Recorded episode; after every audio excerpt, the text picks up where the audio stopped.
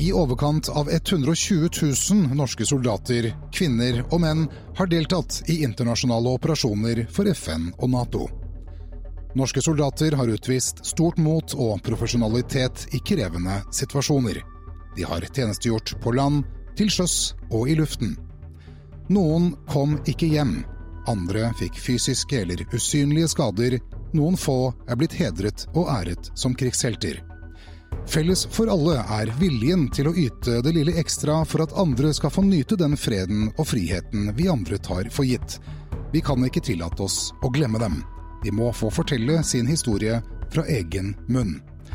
Et øyeblikk, en evighet, gir deg norske soldaters mest intense øyeblikk. Øyeblikk som varer en evighet.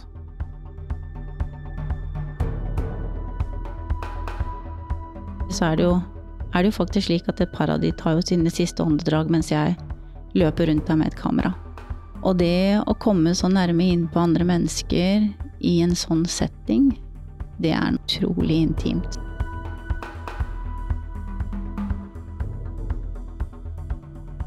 Ja, velkommen hit til Et øyeblikk en evighet.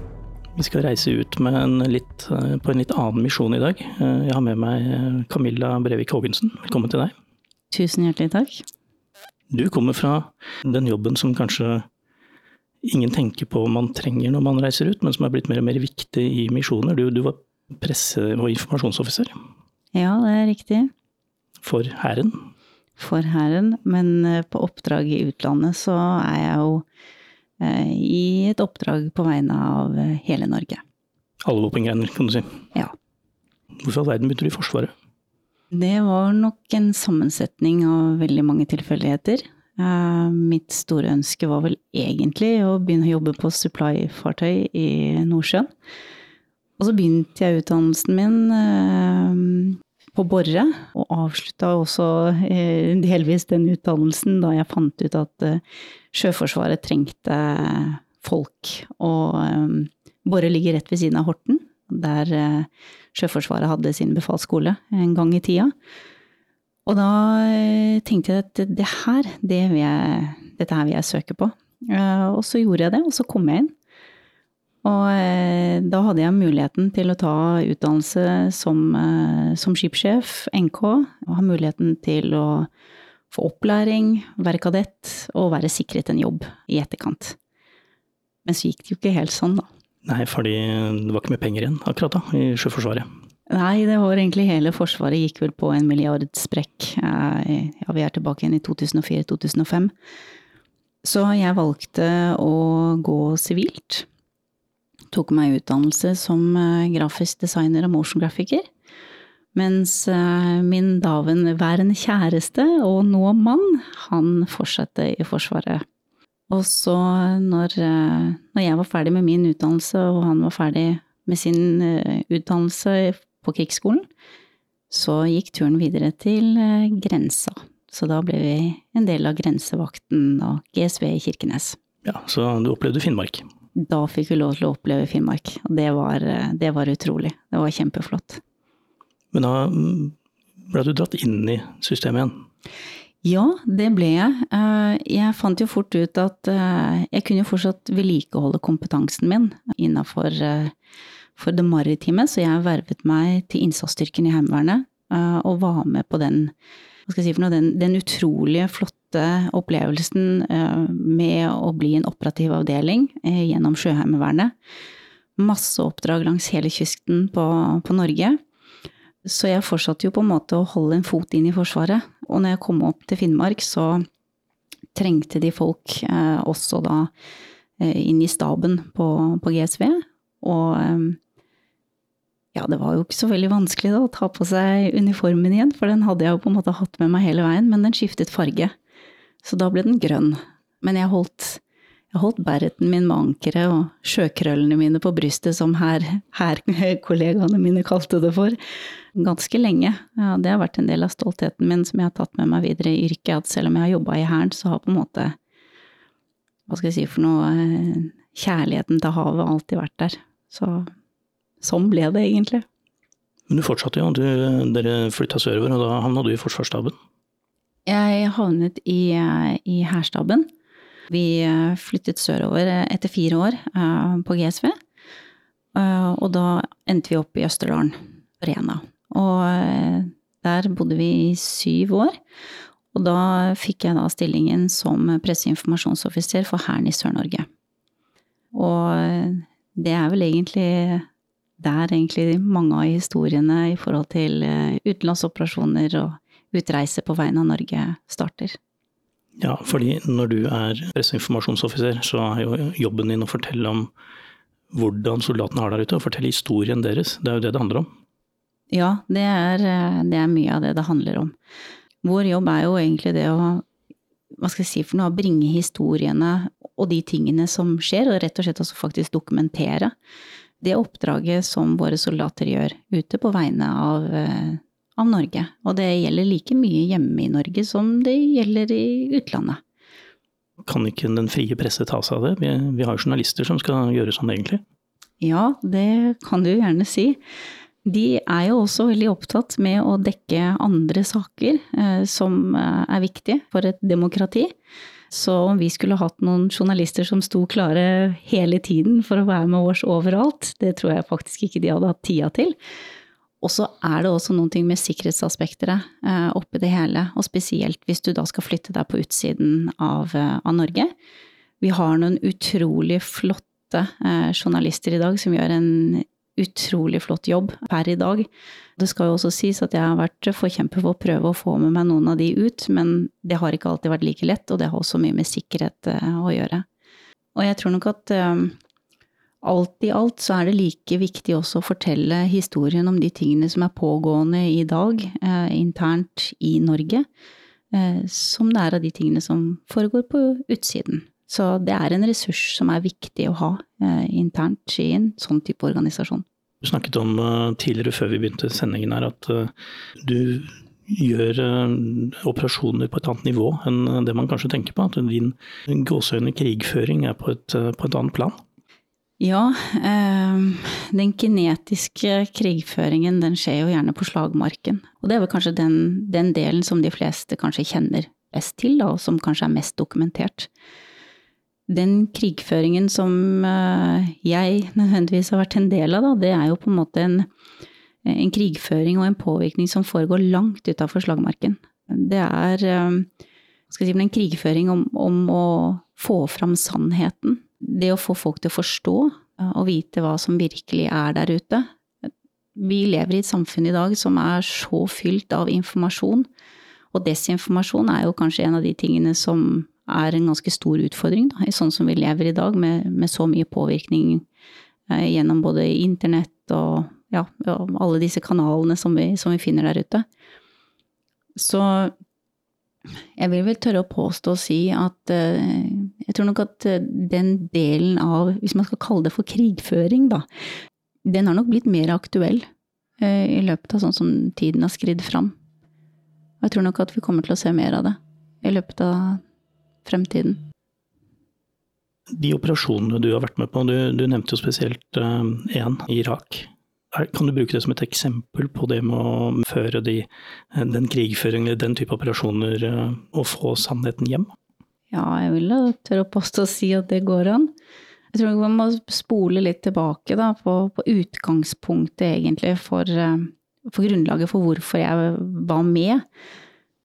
Norge hadde jo allerede en deltakelse i eh, operasjonen som foregikk i Irak. Vi var jo opprinnelig i, eh, i Erbil i starten, med et oppdrag som til dels eh, ikke var så veldig overkommunisert. Men kommunikasjonen var, vel, var jo der. Men man hadde ikke sånn veldig mye innblikk eh, i hva det var for noe fra starten av. Og det var jo også et sånn sikkerhetsaspekter som vi måtte ta høyde for så endret man jo oppdraget. Man ønsket å reise til Anbar og være med å støtte styrkene ja, enda lenger fram, eh, og, vise dem, eh, eller være med og, og hjelpe til eh, med den kompetansen som vi, vi hadde, hadde, da. Og da blir det, oppdraget blir formulert slik at man, man ønsker å ha mer fokus på strategisk kommunikasjon, og en aktiv mediepolicy blir satt for dette oppdraget. Og for at styrkesjefen skal kunne klare å faktisk levere oppdraget sitt fullt ut, så blir han avhengig av å ha med seg noen som kan ivareta den delen av oppdraget. Og eh, Terje Bruegard spurte meg om jeg hadde lyst til å være med ut. Og da skjønte jeg vel egentlig at eh, ja, dette, dette er min tur. Dette er det jeg ønsker å faktisk ha fokus på framover, Å og være med og hjelpe til på den delen. Og det er jo et oppdrag hvor vi hadde veldig lite informasjon. Det var veldig uklart om når man skulle starte, hvordan gjør vi dette her? Det var ingen, ingen av oss som hadde vært der nede tidligere.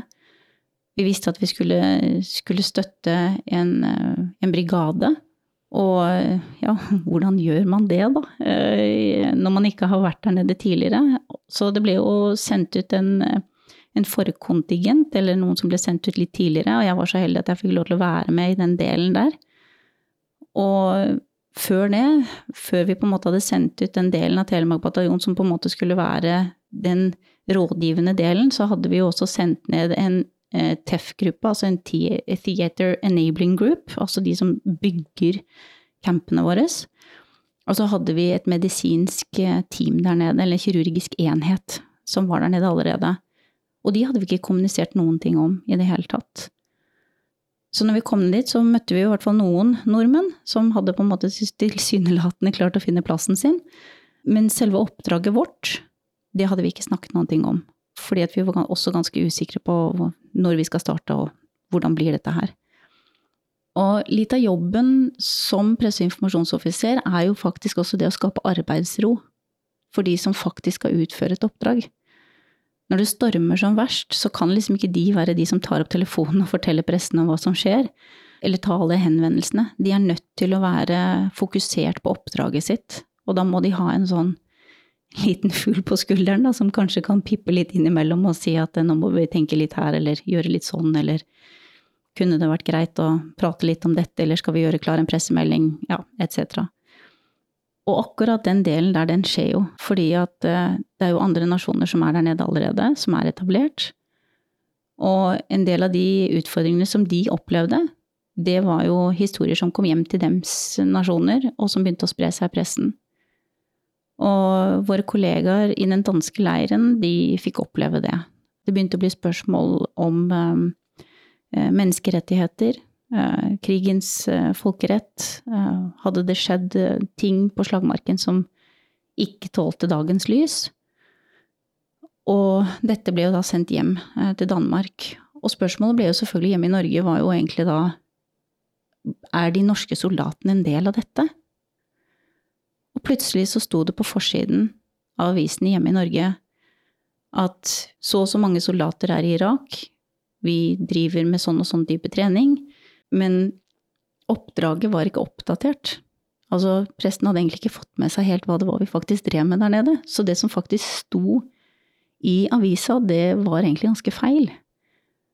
Og da ble på en måte, måtte jeg se det momentet og se den, den muligheten med at eh, nå, nå er det vår tur. Nå skal vi ut. Nå skal vi fortelle om hva vi driver med. Og begynte da å ringe hjem til Norge og fortelle hva egentlig historien var der nede. Og da begynte vi med de tingene som har vært veldig, veldig viktige. Kirurgisk enhet, hva slags jobb de gjør, hvordan de står klare for å ta imot de som har vært ute på slagmarken, hva slags kompetanse den norske personellet har, som blir veldig verdsatt av de andre nasjoner rundt der. Nullblodprosjektet, for eksempel, som, som de hadde tatt med seg fra Haukeland, så det, det, det, er blod fra Haukeland som på en måte blir gitt til, til uh, skadde nede i et uh, provisorisk feltsykehus i Irak. Og hvordan våre teknikere på, på TEF-siden satt og skrudde sammen verdens beste camp liksom, der nede for oss. For at den skarpe spydspissen kunne ha muligheten til å dra ned og gjøre en jobb da, på vegne av, av Norge. Og det hadde ikke vært mulig hvis ikke de eh, hva skal jeg si for noe, andre støttedelene hadde vært der, da. Men du fikk lov å være med ut også på eh, oppdrag? Ja, og det var vel egentlig en av de tingene som jeg var veldig klar på. Når jeg fikk spørsmål om å reise ned, så sa jo Terje er du klar for dette her? Ja, sier jeg, det, dette er jeg klar for, men du får ikke noen glansbilder av meg. Altså, jeg kommer ikke til å sende hjem noen glansbildebilder av eh, soldater i camp og hvor fint vi har det, og vaffelquiz og de tingene der. For det er egentlig bare en, en ringvirkning av at vi er der ute. Vi må ha fokus på oppdraget. Vi må skape forståelse for hva oppdraget er, og hvorfor vi er der, slik at narrativet til de menneskene som sitter hjemme i Norge, faktisk forstår hva det innebærer å være der ute.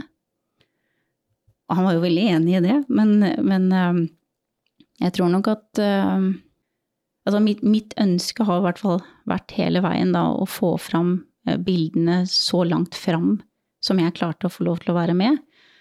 Og Terje gjorde nok også et litt sånn vanskelig valg. Han måtte jo, altså det er jo slik at Kjøretøyene er jo satt opp eh, til maksimalt, selvfølgelig, med både kompetanse og materiell, så du må jo på en måte velge noen bort, da, for å så putte inn en sånn som meg.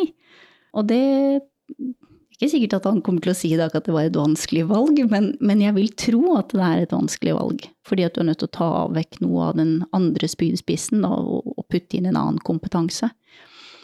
Så jeg får muligheten til å være med hele veien, eh, hele veien fram.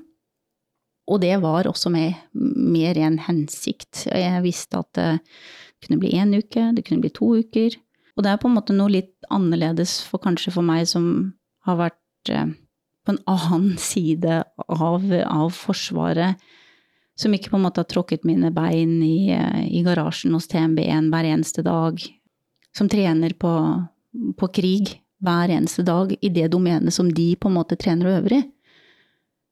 Og det da også komme der litt sånn som femtehjulet på vogna, da, det Jeg hadde mye tanker rundt det. Det var veldig viktig for meg at, jeg, at de måtte stole på meg. At ikke jeg skulle være en byrde. At jeg skulle kunne ha muligheten til å ta vare på meg sjøl, at ikke jeg skulle snuble i beina liksom, på, på, disse som faktisk skulle gjøre noe ordentlig greier, og så skulle jeg komme der med kameraet mitt og prøve å ta bilde av de tingene som foregikk. Og så er det noe med ivaretakelse på din egen sikkerhet. Når hever du kamera, og når bruker du våpen, og hvor skal du stå, hvor langt er du villig til å ta din, eller hva skal jeg si, pushe din egen sikkerhetsgrense, da. For det er jo ingenting å stikke under en stol at de kuleste bildene får du gjerne når det er action. Ikke sant? Og da skal du stå der med kamera mens de andre skal stå i en helt annen setting. Så um, jeg kjente veldig på det. Lykkes du med å integrere deg med de andre? Jeg håper det. det har i hvert fall føltes sånn. Altså, det skapte jo selvfølgelig en del diskusjon internt når man plutselig valgte å, å ta ut én av den skarpe spydspissen og, og, putte inn meg. Men jeg tror nok at um, i etterkant, når man så hva som kom ut av det å få dokumentert det vi drev med, og hva det gjorde for noe med dem og dems historie som kom hjem til Norge, så var det veldig mange som var takknemlige i etterkant. For det tror jeg ikke var, var ikke alle som hadde på en måte vært med på det før. Og jeg tror det er også Det er jo så utrolig viktig da, å få fram, fordi at det skaper forståelse i befolkningen. Det, det gir kredibilitet til soldaten. Det viser noen ting om hva de har på en måte vært villige til å være med på. Og det er bare én måte å skape den forståelsen på, og det er egentlig å, å vise det gjennom bilder og ord. Og man kan jo si veldig mye kanskje om, om eh, veteraner og, og, hva de på en måte har med seg, og så videre. Og det de har med seg i ryggsekken, kan kanskje være litt annerledes enn en det andre har i ryggsekken. Men det er så viktig å tenke på at det kan være en styrke. Man tenker kanskje litt annerledes, man tar utfordringer litt annerledes.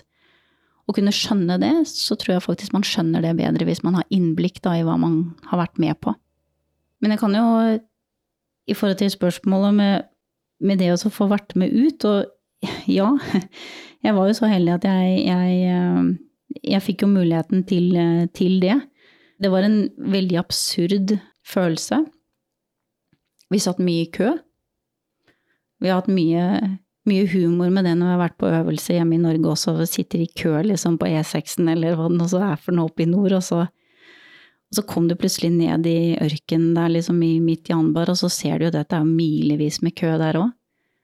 Masse mennesker masse pickups og høy musikk, og folk er glad, og det er flagg, og Ja, det er en utrolig merkelig, merkelig eh, følelse, rett og slett. Mange mennesker som har stått opp på morgenen, sett seg sjøl i speilet, og nå skal de liksom ut i fellesskap. Krige for å vinne tilbake igjen sin egen frihet, sine egne skoler, barnehager, hverdag, rett og slett, da. Og der står man i kø for å komme inn til et krigsområde. Det er, eh, det er en veldig rar eh, følelse, eller rart å se. Og mange av de bildene der er litt sånn absurde. Litt sånn, det er ikke sånn du kanskje hadde trodd at det skulle se ut. Og så kommer vi jo til slutt fram til en av disse hovedområdene som vi holder oss eh, for en periode, og som er kanskje en av de første plassene hvor vi, hva skal jeg si for noe, få opplevd egentlig slagmarken nærmest, da. Man har jo sett den eh, flere steder, fordi at eh, det har vært mye veibomber og sånn som har gått av, så veien er jo mye ødelagt, og det er vanskelig og kronglete å komme seg inn i området, for, for eh, vi må jo ta oss gjennom ørkenlandskap, som er selvfølgelig da minebelagt i alle bauger og kanter. Og er egentlig, det er vel egentlig der jeg kanskje først møter den store skal jeg si En av de tingene som jeg kanskje var mest redd for. Og det er egentlig det å møte på en måte ødelagte mennesker gjennom, igjennom objektivet ditt, egentlig. En av de første bildene som, eller billedserien da, som jeg sender hjem til Norge, er jo en av de bildene, altså fra, fra fremste linje, det er jo en av de bildene som, som havner på førstesida på VG. De, den billedserien, den skapte mye, mye diskusjon.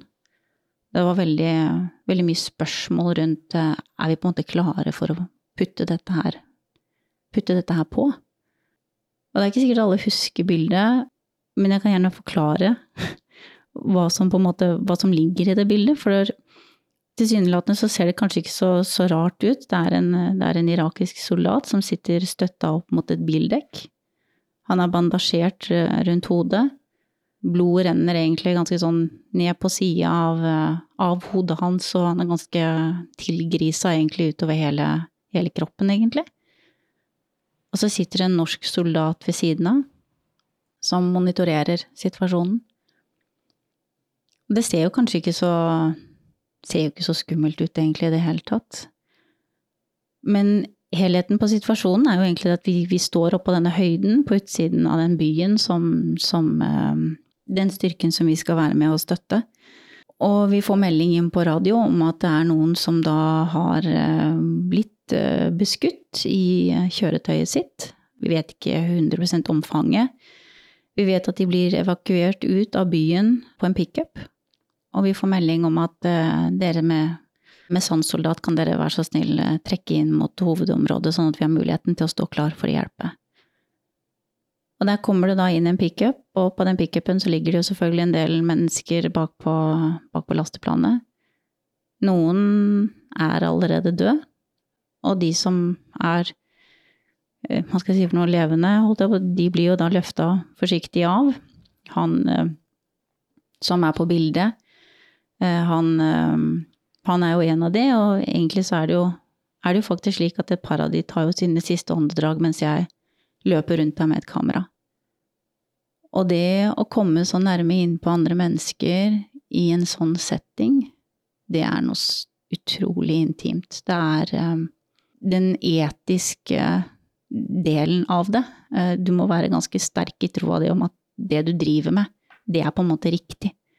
Det er riktig for historien. Og det er viktig. Det er viktig å få det dokumentert. De menneskene som er på det bildet der, er på en måte ikke de har jo aldri hatt lyst til å være der, i den situasjonen. Men dette er produktet av den krigen som er der, da, eller den ondskapen da, som har fått fotfeste. Og det, hva skal jeg si det, det gjør noe med det. Det er en sånn etisk balansegang som er veldig spesiell. Når, når gir du deg? Når slutter du å ta bilder, liksom? Følte du noen gang at du var en del av det, eller klarte du å stå på utsiden og se inn? Jeg mener, journalister skal jo være helt nøytrale og bare være der, men du var en part? Du var en del av det? Ja, både ja og nei. Akkurat de situasjonene der uh, har jeg jo tenkt en del på. De har ikke plaga meg. Jeg har vært såpass heldig da, at jeg på en måte ikke har kommet Har liksom ikke det med meg i ryggsekken som en sånn plage, men heller egentlig mer som ja, kanskje som en sånn observasjon, da, som en del av historien min da, som, som menneske. Jeg må jo ærlig innrømme å si at jeg, jeg føler jo all den tid at jeg var på en måte en, en del av det og en part av det. Jeg, jeg, klarer på en måte ikke å sette meg helt på sidelinja heller, fordi at det blir så spesielt, da. Og jeg skal jo legge til det da, i historien at noen av våre koalisjonspartnere var jo til stede når dette skjedde. Og det det egentlig ender med, er jo at eh, de som vi Eller egentlig, eh, alle sammen blir jo pakka tilbake opp på den pickupen. Og vi er to timer langt inn i ørkenen til nærmeste sjukehus. Og den personen som vi på en måte ser på bildet, han er jo inn og ut av bevissthet hele tiden. Han har en alvorlig skade i hodet. Vi var ganske sikre på at vi var ikke sikre på om han kom til å klare det egentlig der og da. Og så når du da lemper de så på en pickup som skal kjøre to timer gjennom uh, ørken, solsteik, full pakke. Du tenker jo ditt, ikke sant, dette kommer jo ikke til å gå. Og så kommer en av de andre bort til meg, av de andre soldatene, og så sier de, altså av annen nasjonalitet, og så sier de til meg det at eh, Camilla, du vet at du kan ikke bruke de bildene der? Nei, sier jeg, hvorfor kan jeg ikke det? Nei, for du vet at han der kommer ikke til å overleve. Nei, og så? Hva mener du?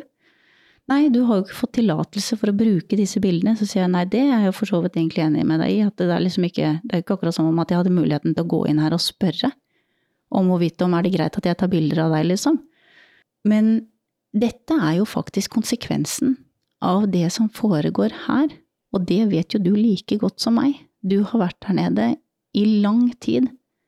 Hvis ikke du som soldat vet at ytterste konsekvens av å være her er faktisk at noen mister livet, så blir det litt rart for meg. For dette er faktisk historien. Og nå vet vi i hvert fall at denne historien kan fortelles med nøytrale øyne, til dels i hvert fall. Altså, det, er jo alltid to parter i en krig. Men dette er i hvert fall en del av historien som vi har kontroll på. Og hvis du mener at han nødvendigvis nå ikke overlever, mener du det at hans liv var forgjeves? At ikke vi skal Gi han den sjansen for at dette kunne faktisk være en del av den måten vi kan fortelle den historien på. At dette er noen ting som vi står sammen om og kriger mot. Fordi at vi aksepterer ikke det som de som står på den andre siden, hva de står for. Og da ble det helt stille, for jeg tror ikke de hadde tenkt på det på den måten. Og det var flere som kanskje ikke hadde den tankegangen, tror jeg, før jeg på en måte var med ut dit og kanskje brakte den delen av, av den, si, den, tankegangen da, inn, inn, i det domenet. For det er veldig, liksom, veldig ofte tenkt at det, det, som skjer der, det blir der. Og så snakker vi ikke noe om det. For det er, liksom, det er litt sånn kulturen kanskje kan være innafor enkelte miljøer. Så jeg må jo ærlig innrømme å si at uh, det at den, den billedserien der da skapte litt sånn diskusjon hjemme i Norge, det kjente jeg vel egentlig. Jeg ble litt glad, egentlig. Det var en litt sånn seier for meg. Fordi at jeg, jeg syns det var viktig at vi tok den diskusjonen. Er det greit? Fordi at det var på en måte den måten vi kunne vise de hjemme hva som faktisk var, var det som skjedde, da, helt, helt fremst. Og så er det jo ikke slik at det er jo ikke bare befolkningen, men det er også våre beslutningstagere. De får også mye av sin informasjon da, gjennom gjennom pressen.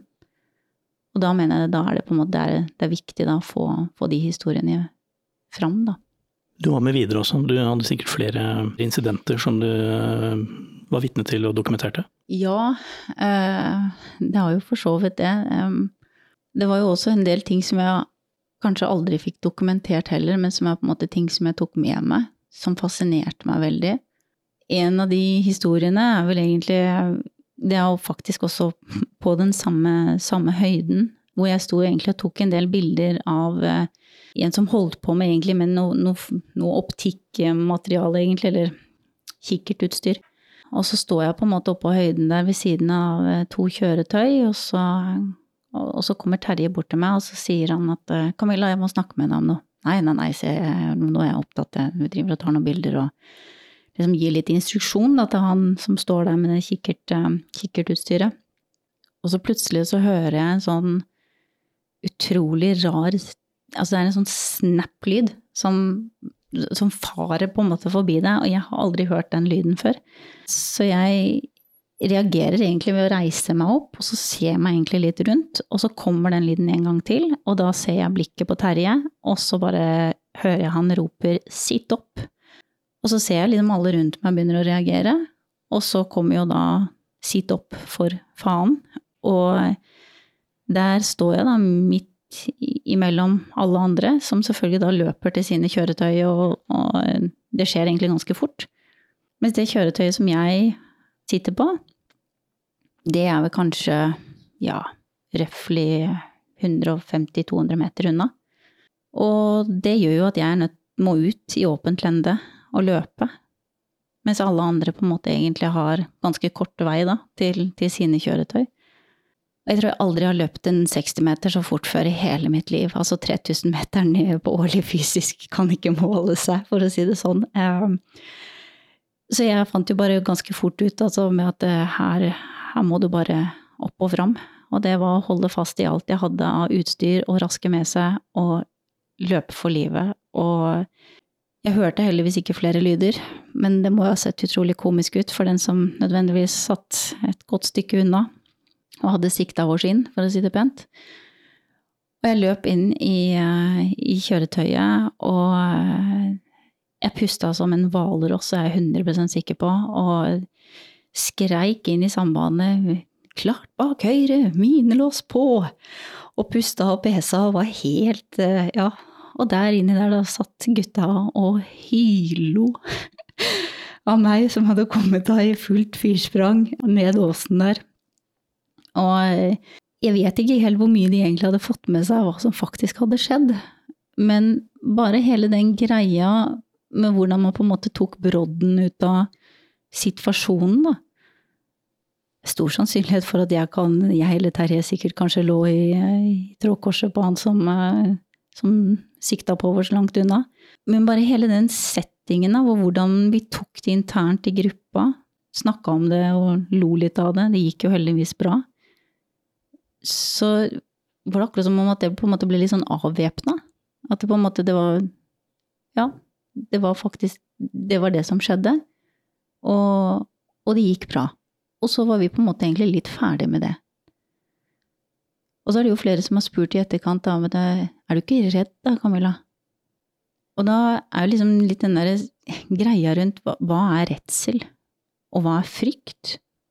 Og noen ganger så, når jeg har gått inn i den diskusjonen da, så har jeg liksom tenkt litt på det, for ja, jeg, jeg er jo redd for mitt eget liv. Altså, jeg vil jo, jeg vil jo overleve. Og det hadde jo vært utrolig dumt å sende meg ut dit som soldat hvis ikke jeg hadde vært redd for livet mitt. Da hadde jeg vært en ganske elendig soldat, for da hadde jeg jo ikke fighta tilbake, for spørsmålet er jo det er jo deg eller meg. Ja, så selvfølgelig. Men hva slags type form for frykt det er, da, om det er fordi at du er redd og du ikke vil gjøre, det er jo én ting. Men at det fortsatt er et instinkt inni deg da, som gjør at du vil overleve, den, den, den tror jeg bare Den må være der for at du skal fungere på en måte i den situasjonen. For jeg tror det er ganske mange settinger hvor man ja, hva skal jeg si for noe? Man snakker jo i Forsvaret om at eh, train as you fight. Ting må på en måte være muscle memory. Det er nødt til å sitte i kroppen din, ikke sant. Så når på en måte redselen tar overhånd, så må det bare sitte i kroppen. Og jeg tror nok at eh, ja, redsel var nok en del av det. Frykt, ja. Men samtidig så har jeg aldri følt meg så trygg før heller. Fordi at jeg var embedda sammen med mennesker som på en måte trener på dette hver eneste dag, som vet hva de skulle gjøre for noe. Jeg følte sjøl også at jeg hadde kontroll på de tingene som var meg og mitt, og jeg hadde kontroll på å forsvare meg sjøl hvis jeg trengte det. Men samtidig så har du jo et veldig sterkt ønske om at du skal løse et oppdrag, og du skal komme tilbake igjen til campen, og sist, men ikke minst komme tilbake igjen hjem til din egen familie, og føle at du har på en måte vært med og bidratt. Så ja, det er vel en sånn blanding, vil jeg tro. Så du holder på å være presse- og informasjonsoffiser og gjør oppdraget ditt, forteller om alt, og så kommer du tilbake til Norge. Og noen har hørt en annen podkast hvor du var med og fortalte om, eh, om, opplevelsene dine.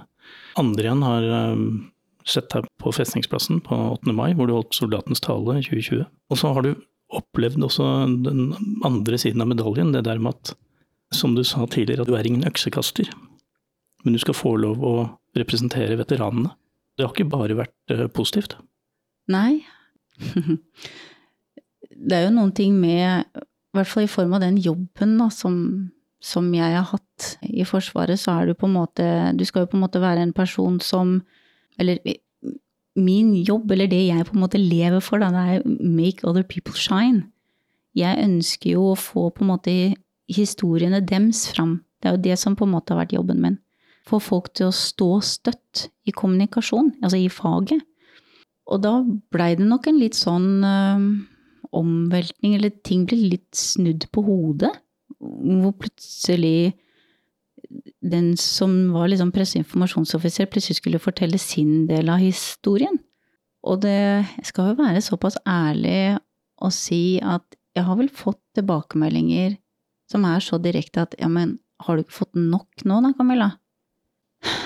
Men så tenker jeg også det at uh, jeg har sittet i, i forum hvor folk har spurt om hva slags type tjeneste har du gjort i utlandet? Hvor har du vært henne? Hva var liksom ditt oppdrag?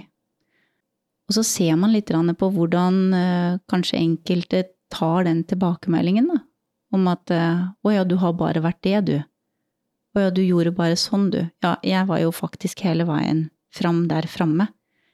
Eller jeg gjorde kanskje noe som var viktigere enn deg. Og jeg blir så utrolig lei meg da når jeg på en måte hører, um, hører den form for argumentasjon og den form for retorikk, fordi at uh, ingen av de tingene som på en måte foregår framme i den spisse enden, hadde vært mulig å gjøre hvis ikke alle de andre hadde vært der. Det er så utrolig viktig, da. Alle de Altså, vi sender ikke ut for mange, det er heller nesten for få. Og de fleste styrkesjefer tror jeg ville hatt mere mer mennesker og mer kompetanse med seg hvis de virkelig kunne velge helt innerst inne. Og da er alle disse støttefunksjonene også så utrolig viktige. Så jeg skal ærlig innrømme å si at uh, i all den tid noen mener at noen er en bedre veteran enn noen andre, og noen mente at kanskje ikke jeg var den rette, eller kanskje jeg ikke burde fortelle mer om min del av historien, så syns jeg på en måte ikke at det blir um, Det blir heller ikke riktig nyansert, da. For det er på en måte det er, De er på en måte like viktige, da. Alle sammen. Det er en del av det helheten. Og så um, kunne man vel kanskje ønske at det var flere som kunne, kunne være der ute og fortelle. Jeg skjønner godt at det er en barriere å på en måte tråkke over det. Det er jo ingen som skal tro at det gjør noe. Men um, nei, på vegne av uh, av alle de der ute som på en måte kanskje føler på akkurat den delen der, så, så tenker jeg det at det, det, er viktig at vi på en måte står sammen. Det er eh, verdien til alle veteraner. Alle de som er der ute. Det har vært like viktig uansett.